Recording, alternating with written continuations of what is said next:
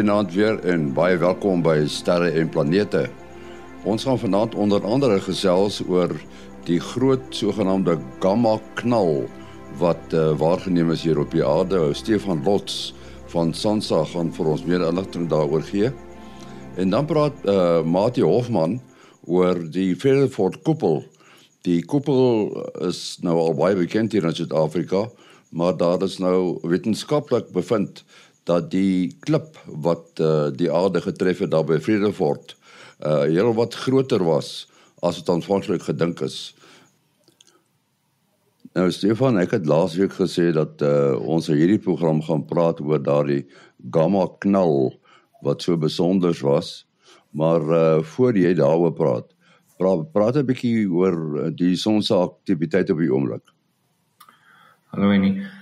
Ja, ehm um, die ons soos ek gewoonlik praat nou al die afgelope paar maande die die nuwe sonsiklus is lekker sterk en hy's soos ek soos ek nou voorheen gesê het hy's um meer intens as as wat ons voorspellings was vir die begin van die sonsiklus.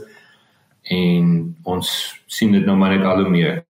So ons dis dis maar meer van dieselfde hierdie week. Um ek kan nou sien dat die voorspellings wat daai tyd gemaak is se foutgrense um, is nou al laag of of ons beweeg nou al buite die foutgrense van die vorige voorspellings. Ons is nou weliswaar in 'n in 'n sterker sonsiklus as wat ons gedink het. Um, amptelik statisties.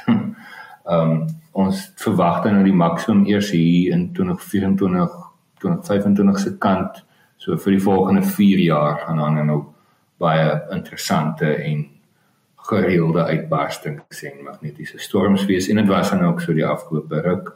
Um paar lekker groot uh massa uitbarstings en of twee interessante storms gewees. Um onlangs wanneer is dit nou die 29ste Maart, dit is 'n verlede Woensdag was daar die 7de X-klas sonvakkel in die nuwe jaar waargeneem. Nou om dit in perspektief te stel in 2022 sê hulle jaar was daar sewe halte saam en net 22 21. So mense kan sien hoe vinnig net deur die X-klas vakkels te tel, kan mens sien hoe vinnig die die nuwe sonsiklus besig is om te te versnel na sy maksimum toe. Is daar 'n korrelasie tussen die sonsiklus waar hy is en byvoorbeeld uh, hitte op die aarde? Nee, ehm um, daar's 'n baie klein die die energie wat die son uitstraal by daai golflengtes het 'n baie klein bydrae tot die totale uh klimaatstelsels. Um dit is dis meetbaar maar kan ons maar sê weglaatbaar klein. So nee, dit het geen noemenswaardige dit maak dit kan geen noemenswaardige verskil in die klimaat maak soos ons hom ervaar nie. Die die goed waarvan ek praat elke in Kremant is gebeur in die ionosfeer. So dit is 90 km in hoër. Um dit raak eintlik amper nie aan die laer atmosfeer nie waar ons gewone um weerstelsels rond beweeg. En en dan nou die gamma knal. Jy weet uh ons het al redelik baie gepraat in die program oor die gamma knal. En ek dink daar is sekere mense wat wil weet hoekom die naam gamma En hoekom knal? Beteken dit is 'n ontploffing? Iets soos dit, ja. Ehm um, die die naam gamma kom aan om net daarvan af dat dit in daai gamma straal golflengtes is waar die waar ons hierdie aktiwiteit sien, waar ons hierdie knal of ontploffing dan nou sien en dit is 'n ontploffing min of meer is eintlik 'n inploffing as jy dit tegnies wil raak. Ehm um, dit gebeur dikwels by die by die ontstaan van 'n 'n swart gat. Ehm um, en ons weet mos nou dit gebeur wanneer 'n ster eintlik inplof in homself. Ehm um, so wanneer hierdie ster nou so so uh, uitbrand dat hy nie meer staande kan bly nie, dan ehm um, dan plof hy eintlik in in homself in en soos hy inplof dan word dan energie, baie energie weer uitgestraal soos hierdie klomp massa dan nou saam saamgepers word eintlik. En daai energie wat dan nou uitge vrygestel word word in die vorm van gamma strale vrygestel. Dit dit veroorsaak eintlik 'n tipe ek weet nie wat die wat die mooi Afrikaans woord is nie, eintlik 'n tipe jet. So eintlik 'n tipe straal van gamma energie wat wat vrygestel word en dit uh, dryf dan nou alles wat voor hom is ook aan en verhit en versnel alles voor hom en dan sien 'n mens dan nou 'n klomp amper uh komplementerende uh, uh, uh golwe wat gebeur. So dis 'n 'n 'n skokgolf en dan nou sogenaamde afterglow. Nou kom was hierdie ene so besonder. Hy is so besonder want eerstens was hy relatief gesproke naby sodat die hierdie ster was wat dan nou uh, in 'n swart gat verander het is so ongeveer 1.9 miljard ligjare weg van ons af gewees, maar dis relatief naby in in in die dinge se terme. En daar word ook gereken dat hierdie die helderste uh knal of ontploffing of hoe jy dit kan wil noem um uitbarsting van ekstraal en gamma straal golwe of gamma straal energie was wat waargeneem is in die hele menslike geheugenis. So wanneer mense begin goeders waarneem het of sover so wat ons terug kan sien, was daar nog nooit iets so so helder um minstens saam wat saam die leeftyd van die mens saamgeval het. Jy jy jy sê sien, hoe sien julle dit? Ons sien dit in aanhalingstekens deur ehm um, dieselfde manier as wat ons 'n uh, sonvakkel se se ekstrale waarneem. So dit is dis instrumente op die aarde en in die ruimte wat wat na ekstraal en gamma straal energie op gamma golflengte energie kyk en dan neem ons dit waar as bloot 'n 'n 'n grafiek wat op en af gaan. So hy maak 'n tipe van 'n piek. En ehm um, behalwe nou die instrumente wat spesifiek hiervoor gebou is, kon ons dit selfs op ons lae frekwensie um antennes sien wat op uh, Marvin Island in Antarktika uh, sit. So ons is tans besig om aan 'n artikel te werk saam met ouens in in Brittanje om om net basies nou maar ons ons waarnemings op te skryf. Die manier hoe ons dit raak sien op die aarde, um dit werk dieselfde as wat ons wat ons sonvakkels raak sien in die sin dat die die ekstraal en hoër en hoër golflengtes ioniseer eintlik die die atmosfeer effens meer as gewoonlik en as ons dan nou wat ons dan nou doen is ons hou weermag ehm um, transmissies radiotransmissies dop wat baie stabiel in frekwensie en in, in amplitude is en enige verskille in daai sein interpreteer ons dan as verskille wat of as 'n een of ander verandering of steuring wat in die atmosfeer in die ionosfeer gebeur. En ehm um, hierdie ekstra straling en ekstra uh, lading eintlik dan op die ionosfeer veroorsaak dan 'n klein piek in hierdie data waarna ons elke dag kyk en gewoonlik gebruik ons dit om om sonvlek ag nie sonvlekke nie sonvakkels waar te neem maar hierdie keer het hierdie hierdie gamma uitbarsting dan nou uh, 'n soort gelyke effek um, veroorsaak. So so daar's 'n korrelasie uh, tussen die afstand van waar die gamma knal plaasvind in die aarde.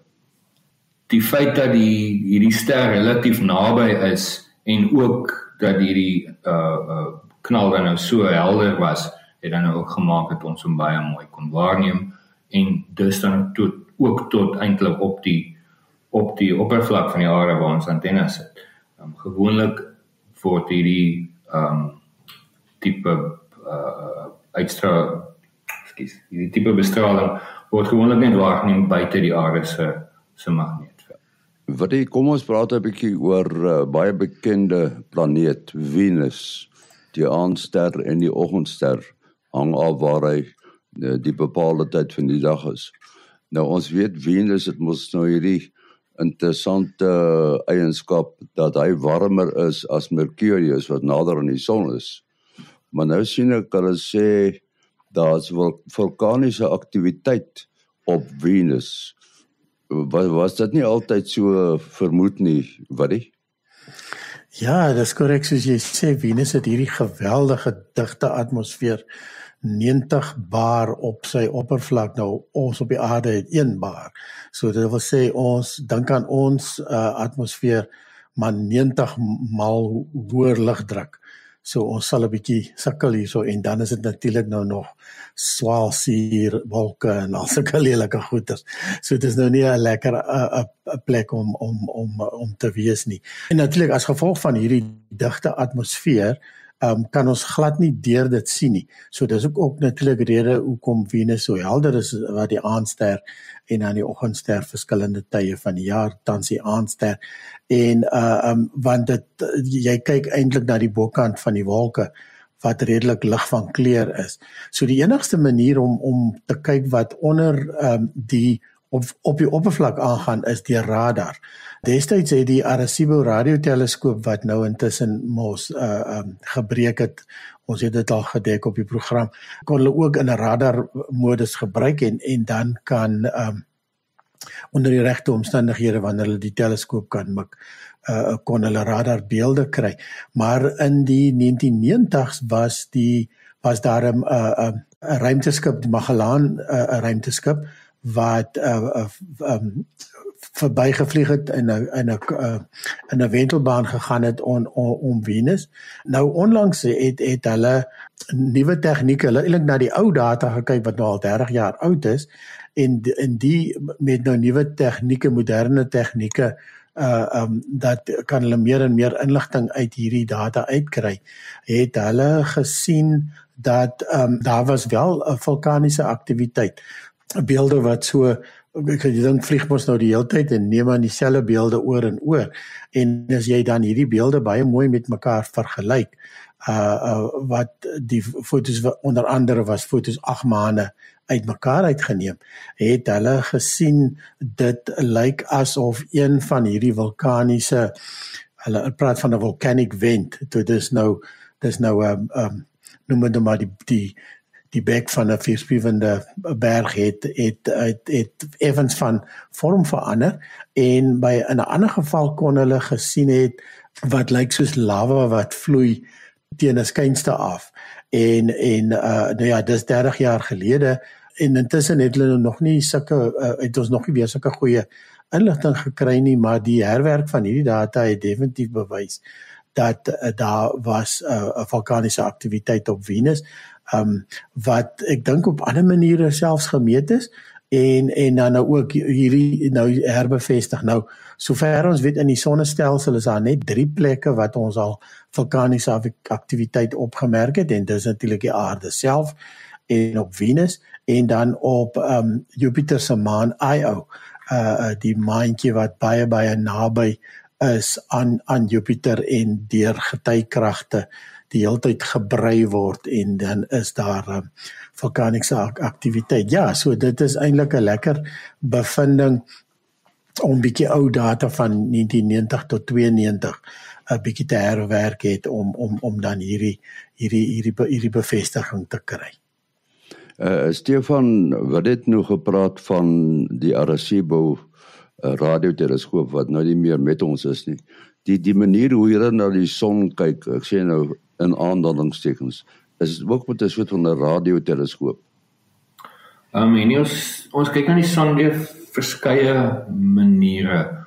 As jy nou 'n op 'n satelliet sit en jy sit nou mooi mooi buite die aarde se se magneetveld dan dan kan jy eintlik met naam kyk in die in die sin dat ons aan 'n soos met 'n digitale kamera so die satelliete soos SDO en en die kyk gebruik nou maar CCD's om om die son eintlik af te neem by verskeie golflengtes maar op die grond ja ons uh, daar's 'n aantal maniere om na die son te kyk maar dis meestal maar in die in die radiofrekwensies waar ons eintlik na die die straling van die son by daai frekwensies kyk om dan nou goed so son uh, sonvakkels uh, massa uitbarstings ensovoorts waar te neem. Die een van die maniere waarop ons nou onlangs na die son begin kyk het hier by Sansa is um, om 'n radioantenna by Sutherland daar by Salt op te sit. Um en die instrument is deel van die sogenaamde Ecalisto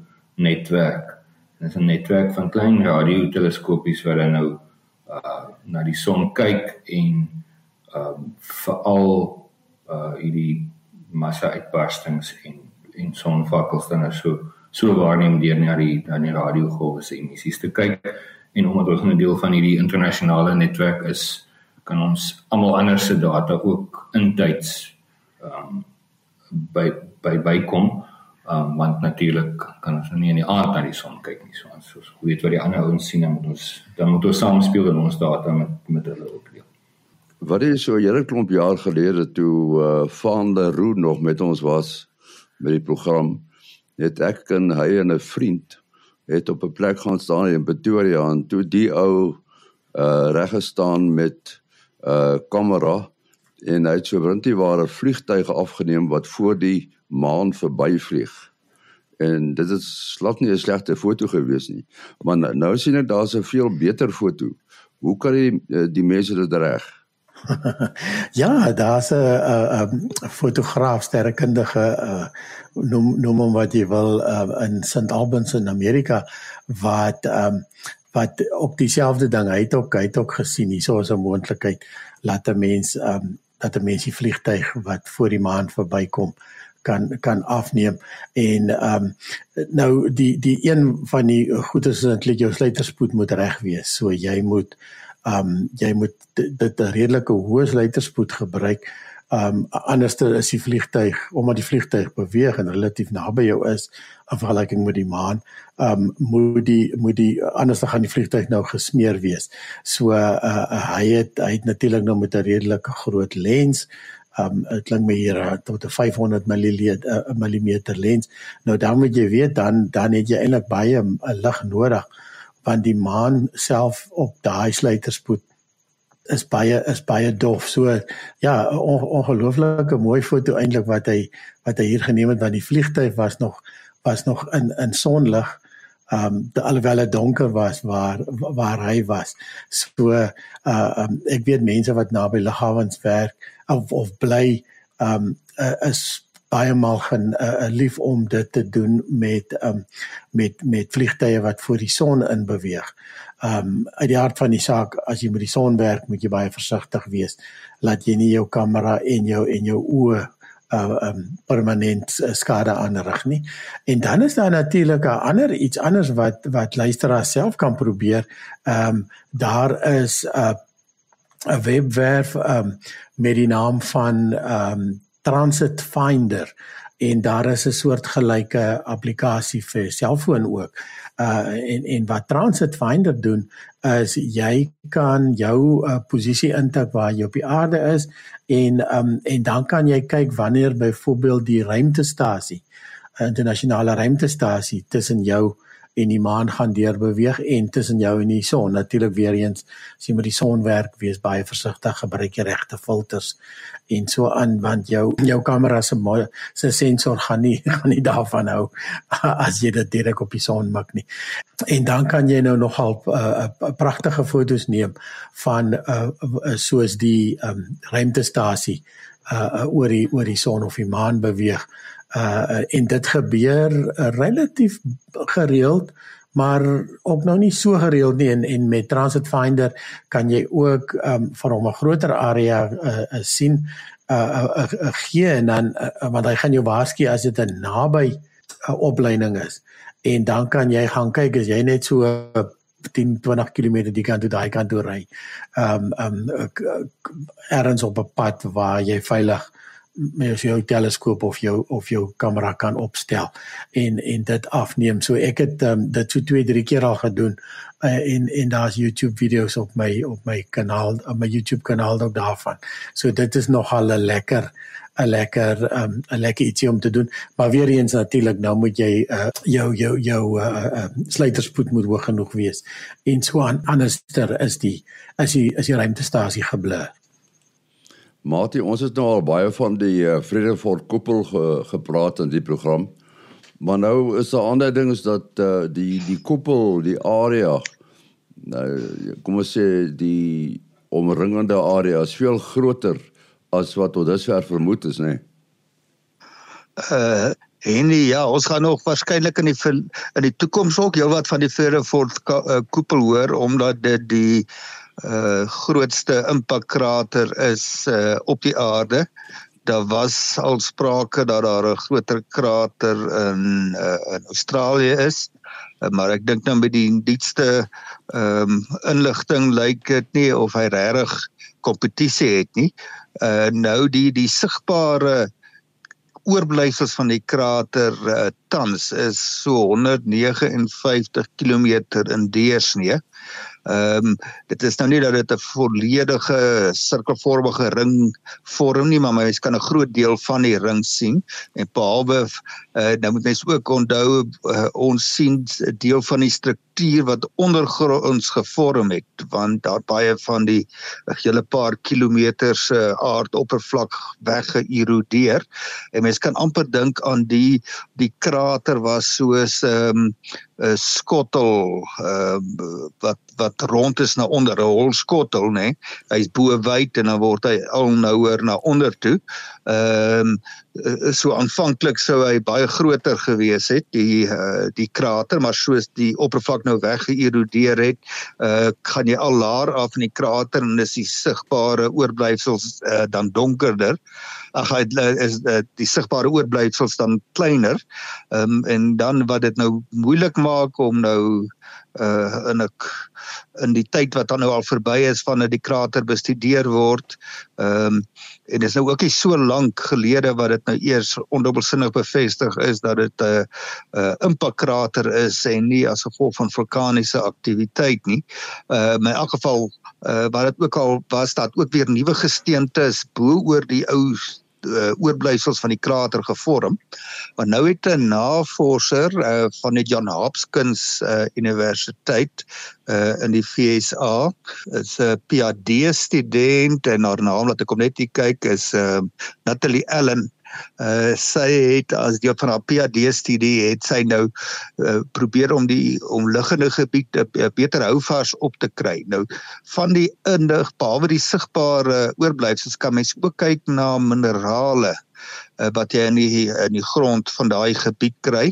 Uh en hulle toe nou buite die erkende gebied het hulle nou kwarts en zirkon uh minerale gekry wat baie duidelik skokfrakture uh wys en ook uh uh, kenmerke wat nagelaat is deur van die uh, uh materiaal wat gesmelt het binne so 'n uh, geweldige impak.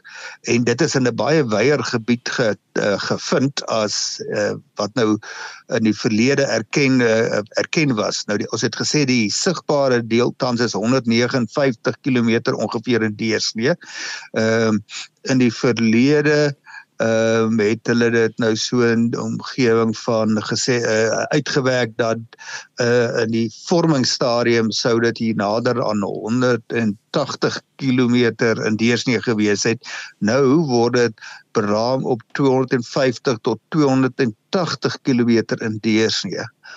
Daarteenoor is die Chicxulub uh, krater wat deur daardie impak wat met die uh, uitwissing van die dinosourus uh, geassosieer is daar in uh, die uh, die Mexico gebied en dit is nou onder die see en onder die skiereiland uh, so half versteek is 180 km in deursteen. Nou in daai geval dink ek uh, die uh, besien hom nou min of meer soos wat hy oorspronklik was uh, omdat daar nou nie soveel erosie en so aan kon plaasvind nie bykomend tot die grootte kan daar natuurlik dan nou afleidings gemaak word van die meteoriet wat die impak sou veroorsaak het. Nou die uh beraamde spoed van die die soort meteoriete uit daai areas in die omgewing van uh, sê 25 na 30 km per sekonde en uh op die grootte bepaal die massa en dan kan mens nou gaan berekeninge doen van hoe groot uh krater uh, met 'n sekere grootte meteoriet uh, kan ooreenstem. Natuurlik nie presies nie. In elk geval die oorspronklike skatting van die grootte van die meteoriet was uh, ongeveer 15 km en dit het hulle uh, die nuutste skatting op grond van die groter grootte van die krater is dan 20 tot 25 km. Nou dis natuurlik 'n um, baie baie groot uh, klip as ons dit so wil noem of 'n meteoriet uh van die meteoriet self is daar geen oorblyfsels gevind nie. Dit is totaal in die impak uh gesmelt uh en die materiaal het nou maar daar deel van die omgewing geword. Die is net so uh, ook uh, wat mens daarom moet noem die uh, navorsing is gepubliseer in die Journal of Geophysics uh, Geophysical Research uh planets. So daar's 'n spesifieke you know wat dan spesifiek op hierdie uh planetêre tipe geofisika uh, toegespits is. Goed, ons moet afsluit. Uh, Stefan, jou besonderhede? Ehm um, mens kan my e-pos by slots@sansa.org.za, dis S L O T Z by sansa.org.za. Wat is? Uh WhatsApp verkieslik 0724579208. 0724579208. Goed, eh, Mati, uh, jou besonderhede? is selfoonnommer 0836257154 0836257154 en die program se e-posadres sterreplanete@gmail.com sterreplanete@gmail.com en onthou u kan uh, die program weer beluister op uh, potgooi op RSG se webwerf dit is dan sterre en planete op RSG se webwerf Tot volgende week. Alles van die beste.